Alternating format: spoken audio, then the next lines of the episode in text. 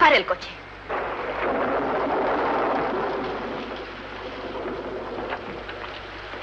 Bueno, aquí está bien.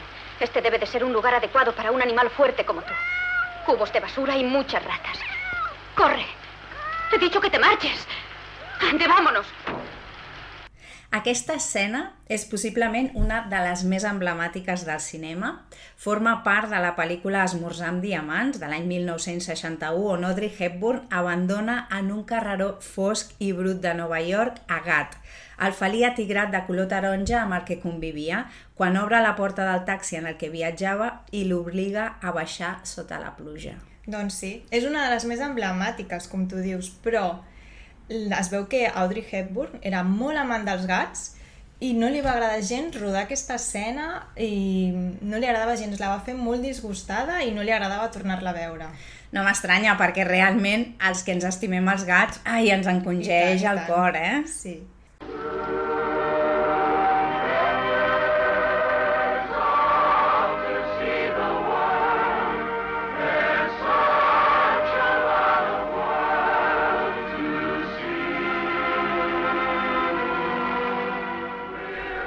Però qui era aquell gat? D'on va sortir? Avui descobrim la història d'Orange, el gat actor que va acompanyar a Hepburn en aquest film i que va tenir una llarga i prolífica carrera cinematogràfica durant la dècada dels anys 50 i 60. Va ser l'únic gat que va guanyar dos premis Patsy, que són, són la versió animal dels Oscars. El primer va ser l'any 1951 amb el film Riu Barbo, que va ser el seu gran debut a la pantalla. Gentlemen, rhubarb. Say, he is pretty big at that. Well, he has got quite a chest on him. Look at them eyes. Are they yellow? Oh, he's yellow all over. So what? He's just a cat. En aquesta pel·lícula s'explica la història sobre un gat, aquest gat de color taronja i atigrat, que hereda una fortuna després que l'excèntric multimilionari propietari d'un club de béisbol de Brooklyn deixi la seva herència de 30 milions de dòlars, no és poca cosa, doncs precisament a la mascota del club, el gat Riu Barbo. I gràcies a aquest fet, doncs l'equip comença a sentir-se motivat i a guanyar partits. El segon Patsy el va guanyar 10 anys després, que penso que ja hauria ser molt gran. Sí, sí. I ho va fer um, des, després de Esmorzar amb diamants, la pel·lícula de la que parlàvem abans. I, però aquestes no van ser les dues pel·lícules on va participar.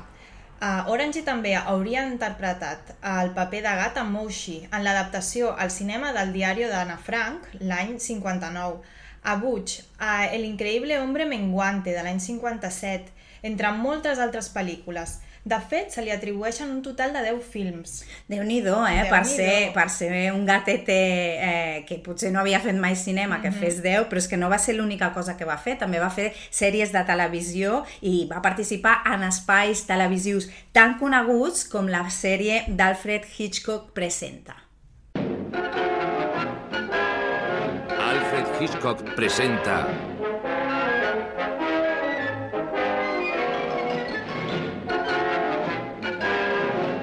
i va protagonitzar l'episodi El gat de la senyora Paisley l'any 1957, però també va participar a d'altres sèries d'èxit, com per exemple Missió Impossible o fins i tot en dos capítols de Batman. Però jo el que em pregunto és com s'ho feien perquè Orange obeís les indicacions que necessitaven durant els rodatges, perquè els gats ja sabem que no són gaire amics d'obeir ordres. No, no. Més aviat doncs, són tot el contrari, no? que fan el que ells volen. Doncs resulta que mm, estava entrenat per Frank In, que era un lluitador d'animals, cosa que ja, amb això del lluitador d'animals ja, ja ens fa dubtar una mica, doncs que va, ell va aconseguir que l'animal fes cas i pogués estar hores doncs, aguantant el tipus davant de la càmera per fer les diferents escenes. La, no hem trobat quins mètodes són els que va fer servir aquest senyor eh, per entrenar-lo i potser també millor no saber-ho, la veritat. Home, el que feia després Orange, després de les escenes, ens diu una mica...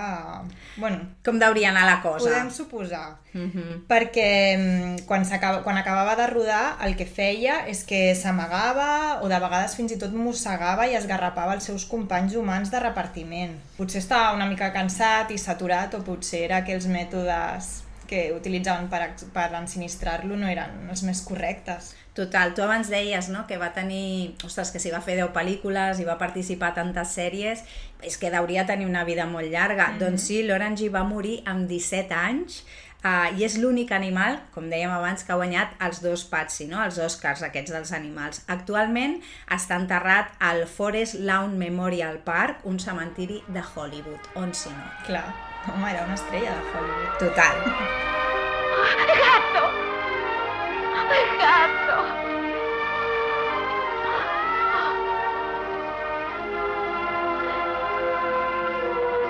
Per cert, que no us ho hem dit, però Audrey Hepburn, al final d'Esmorzar amb diamants, ella torna a buscar el gat que ha abandonat i se l'emporta. O sigui que, final feliç. Wheel of Cats, el podcast de gatetes de la Montse Casas i la Vanessa Carrasquilla. Que bonica tota aquesta història de l'Orange, no? de veure doncs, com aquest gat segur que va emocionar moltíssims cat lovers de l'època no? Mhm. i que, que va participar en tantes pel·lis, no? Sí, sí, sí, és que de fet potser només el coneixíem per Esmorzar amb diamants, que és la pel·lícula més icònica, però és molt curiós que arribés a fer, bueno, que tingués una carrera tan llarga. Total, total, sí, sí. I, bueno, això no fa més que demostrar que l'amor per veure gatets a la gran pantalla ve de lluny, no ve d'ara. És que la gent sempre els ha volgut veure, ha volgut veure el seu comportament, la seva bellesa... Total, a més, malauradament, fa unes dècades enrere això no ho podien fer, no? Perquè, bueno, havien d'esperar que s'estrenés una pel·li al cinema o, si tenien el seu propi gatet a casa, mirar-lo allà, no? Però mm, des de l'aparició d'internet i de les xarxes socials nosaltres vivim un altre boom dels gatetes uh, perquè tenim accés a milers de vídeos, a milers de fotos, etc. I això, ostres, és guai pels que ens estimem els gats, no? Bueno, de fet, jo crec que internet viu de vídeos de gatetes. Jo també estic bastant convençuda. Hi ha tot un moviment que diuen que els gatetes estan passats de moda, no s'enteren de Jo res. crec que no. no s'enteren de res. I de fet, um, es veu que per veure gatetes, especialment petits, bueno, gatetes i altres animals, que siguin cadells, no? que, que siguin acabadets de néixer i tal, es veu que mm, ens desperta sentiments d'empatia i que fins i tot millora la nostra productivitat. Sí, sí, però això no ho estem dient nosaltres. No, no. Això és la conclusió d'un estudi fet a la Universitat d'Hiroshima, que, tot i que ja té uns anys, es va publicar l'any 2012, sembla que està reflotant de nou. Qui, si no, podien fer un estudi que vinculés gatetes i feina, els japonesos. És que no podia ser ningú més. Eh, ells són els amos i senyors del concepte aquest que es diu kawaii, no? que ve a dir que és bonic, que és cute, no?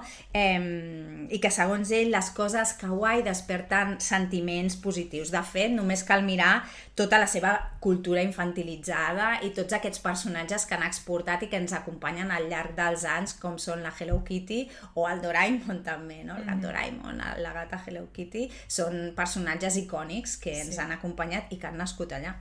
I que són molt, molt monos, això que dèiem. Sí, ens desperta aquest sentiment de ai, la xutxeria, no? sí, sí. De, fet, de fet, el concepte kawaii, abans d'aprofundir en aquest estudi, eh, volem aclarir que aquesta paraula ve d'un mot antic que és uh, kawa hawi shi, Molt bé, tu el teu japonès. Què et sembla? Me'n puc anar a Tòquio ja. Sí. doncs a, aquest mot, que no tornaré a repetir, vol dir envermellir la cara, o sigui, posar-se vermell.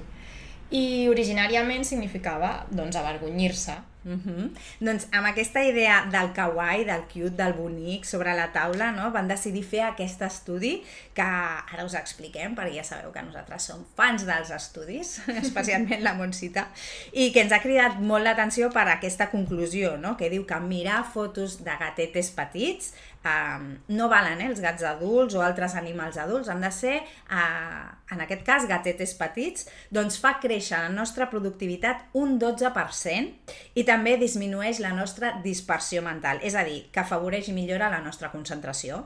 I d'on surt tot això? A veure. A veure, de manera general, els nadons de qualsevol espècie tenen unes característiques molt concretes. Um, I aquestes característiques ens desperten uns sentiments insti instintius de voler cuidar. Um, tenen el cap gran en relació al cos, els ulls grans, un front alt i protuberant. Segons els impulsors de l'estudi, eh, quan veiem aquestes característiques es desperta la nostra atenció de manera innata i ens fa somriure i se'ns desperten les ganes d'acostar-nos i de cuidar-nos. El que dèiem, de xutxar-los, no? D'agafar-los i... Ai, Ai, que mono! Exacte, exacte, exacte. Per comprovar tot això, evidentment els japonesos no van dir, mira, ens ho inventem, no? Van fer experiments, experiments curiosos també, no? I el que van fer primer de tot va ser dividir els participants en dos grups, uns que mirarien fotos de gatets petits i els altres que mirarien eh, fotos d'animals de qualsevol espècie, però ja adults. Um, I es va arribar a la conclusió que els que havien vist precisament les fotos d'animals, de, de gatets petits o animals petits, doncs eh, tenien millors resultats que els que havien vist fotografies d'animals o gats adults. La manera d'arribar a la conclusió principal de l'estudi, um, és a dir, mirar fotos d'animals petits millora la concentració i la productivitat, va ser, com dèiem, la realització d'experiments. Alguns d'ells, si més no, una mica curiosos. Home, aquest que explicarem és molt curiós. Mm, Depenent de l'edat que tingueu, segurament coneixereu aquest joc o no. Tu el coneixes o no, aquest joc? Bueno, es tracta d'un joc dels anys 90, Sí. eh, o 80-90, Sí, sí, a sí. l'Operando. No, crec que es deia Operación. Operación, això, Operación. exacte, Operación, que era eh, un home que era una caixa, que estava no, imprès sobre d'una caixa, estava allà estirat, estava com en una camilla i tenia tot de foradets on hi posaves un os, un ronyó, el cor, no sé què. Sí. I amb unes pinces havies d'anar traient no, els seus òrgans en compte de no tocar les, les vores del costat del foradet perquè si no pitava i acabaves matant a l'home, no? Que se li ensenia el nas, em sembla, no? Sí, feia pip, Sí, pip. exacte. I aleshores era, vinga, ja està, ja, Ja. ja palmat. Sí. Doncs els japonesos van agafar i van fer aquest experiment amb els dos grups de persones, no? És a dir, els que havien vist les fotos de gatets petits, els hi van, primer van veure les fotos, després els hi van eh, demanar que fessin eh, això, que juguessin a aquest joc, i després també amb l'altre grup. Doncs bé, es va demostrar que els que havien eh, vist les fotos de gatetes petits doncs eren com molt més curosos a l'hora d'operar aquest senyor que estava en aquesta, en aquesta camilla de cartró, perquè allò era una caixa de cartró sí. amb un sistema elèctric. Doncs sí, sí, es va demostrar que eren molt més curosos a l'hora de fer aquest joc, de jugar a això. En tot cas, sí que és veritat que és un joc amb molta precisió, que Sí, ho havies sí. de fer, has d'estar molt concentrat, per tant sí que té relació una mica amb la concentració. Total, total. I ara confessa tu, Montsita, em, has mirat fotos de gatetes petits a la feina, sí o no? Mm, alguna vegada, però tampoc... Bueno, és que gatetes petits tampoc és la meva passió. A tu t'agraden els tullits. Sí. Eh, que sí? Sí. sí. A ells que els hi falta un ull, Pobrets. la cua malament. Pobrets. Sí, sí, escolta, també Clar. necessiten que algú se'ls miri i han de ser visibles, aquests Són animals. els que més d'ajuda necessiten, al final. Però els busques expressament o no? No, no, no. Però de vegades si miro pàgines d'adopcions, doncs són els que em criden més l'atenció. Bueno, està bé, està bé. I mira, normalment quan comences a mirar coses, què passa? Que t'hi quedes enganxada. perquè, bueno, també tot està pensat perquè t'hi quedis enganxat. Sí, sí, les La- xarxes socials són això. Ja, ja haureu comprovat que si teniu alguna xarxa social i mireu vídeos de gatets, el que passa és que us recomana més vídeos de gatets. L'algoritme entra en joc, no? Així... Exacte. Clar, és que volen la nostra atenció sí o sí. Sí, perquè quan més temps passem en aquestes plataformes, més anuncis veiem i, bueno, doncs al final Aquí està el negoci. Exacte, total. En tot cas, que aquest estudi que hem presentat de, de la Universitat d'Hiroshima i que diu que eh, mirar fotos de gatetes petits quan, quan estem a l'oficina, per exemple, o quan hem de conduir, que també ho diu. Abans de conduir. Això, abans de conduir, no quan estiguem conduint, està clar. Doncs abans de conduir ens millora la nostra capacitat d'atenció i ens, ens posa en un estat... Eh, Més relaxat, no? Exacte, més, per, més concentrat. per, ser, per ser més amables a l'hora de fer aquelles tasques. Però és veritat que aquest estudi hauria de fer una acotació, Mhm. no? I que hauria de dir, um, està, està clar, mirar gatet és, és més productiu, més sa i tal, però ens haurien de dir si aconseguiu sortir d'aquestes xarxes socials i no hem perdut la vida allà dintre i el temps i tot el que passa. O sigui que, bueno, En tot cas, el que queda clar és que si a través de les xarxes socials, com a través de veure pel·lis antigues com les que protagonitzava Orange, mm, doncs mirar continguts de gatetes sempre és una bona idea. I tant que sí. O sigui que, ja sabeu, busqueu un forat i mireu fotos de gatetes mm, sempre que us vingui de Us gust. podeu posar una aplicació d'aquestes que delimita el temps. Ah, bueno, no. jo no li faig massa cas, però sí. Però bueno, potser a algú li funciona. Exacte.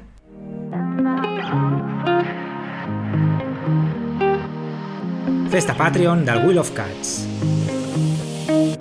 I ja està, abans d'acomiadar-nos, però eh, fins al mes que ve tenim una cosa important a explicar-vos, eh que sí? Molt que, important. Vinga, és que el proper diumenge 29 d'octubre participem a l'Animarket, el mercat solidari que organitza el Flea Market Barcelona, i tindrem una parada on vendrem les nostres samarretes solidàries i ens faria moltíssima il·lusió que ens vinguéssiu a veure, que ens diguéssiu que escolteu el podcast, que ens heu deixat estrelletes i tot això també.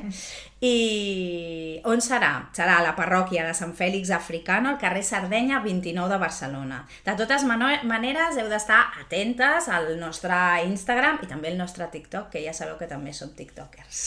I sí, estigueu atentes perquè estem preparant un redisseny de la nostra samarreta més venuda de tots els temps, que és Felinist. Si la teniu, podeu comprar-ne una de nova, i si no la teniu, doncs també serà molt xula aquesta. I la podreu comprar en exclusiva al mercat i estalviar-vos les despeses d'enviament. Eh, ja sabeu que les nostres samarretes són, són sostenibles, són de cotó orgànic i estan estampades a mà i un tant per cent de la venda de les samarretes el donem a una entitat que treballa amb els gatetes abandonats eh, i de carrer.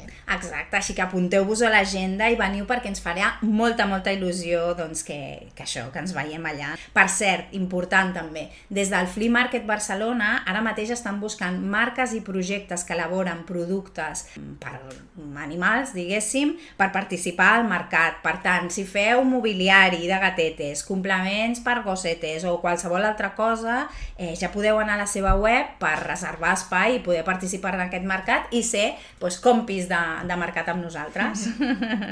Doncs ja tenim el primer episodi d'aquesta nova temporada. Ah, Sí, dit i fet, eh? Sí, com que som de costums, què et sembla si acabem com vam acabar sempre els episodis de la primera temporada? Mm, sempre com demanant, demanant cosetes. Clar, pidulant, és que... Doncs som-hi. Vinga. Perquè volem fer més episodis, però per això necessitem la vostra ajuda, la vostra complicitat. Per tant, us recordem com ens podeu ajudar a fer, a fer arribar aquest episodi a més cat lovers. Primer, subscriviu-vos a la plataforma en la que ens escolteu i deixeu-nos estrelletes i comentaris perquè així l'algoritme ho detecta i diuen, ah, això interessa, doncs pues, ho ensenyem a més gent. Compartiu aquest o qualsevol dels altres episodis amb els vostres amics cat lovers. Això és molt important, perquè d'aquesta manera aconseguirem que siguem més i més cat lovers. Feu-vos Patreon i doneu suport al podcast perquè doncs, això en pugueu fer més. Podeu triar entre tres opcions diferents i tres maneres, tres recompenses diferents per donar-nos suport. Sembla que això és un pim-pam, és a dir, fer aquest podcast, però aquí al darrere hi ha molta feina i hem de pensar temes, el guió, gravació, muntatge, edició... Bueno, en tot cas, que us hem deixat l'enllaç del Patreon a la descripció de, de l'episodi. Les samarretes. Home, i tant, aquest és un clàssic i a més és que estareu Són xulíssimes. molt. Compreu-ne alguna de les nostres samarretes. Sereu l'enveja dels vostres amics cat lovers. Total. I a més a més ens, ens ajudareu a nosaltres a, a col·laborar amb alguna entitat, amb l'entitat que triem aquest any. Uh, us deixem l'enllaç de la botiga online a la descripció de l'episodi, com sempre. Exacte, allà ho tindreu tot. I ja està, excepte aquestes dues últimes, la del Patreon i la de les samarretes solidàries, doncs la resta són gratuïtes, no us costen res i a nosaltres la veritat és que ens ajuden moltíssim. I fins I ara aquí. sí, us diem adeu. Fins al proper episodi. Molt bé. Adeu, adeu. Adeu.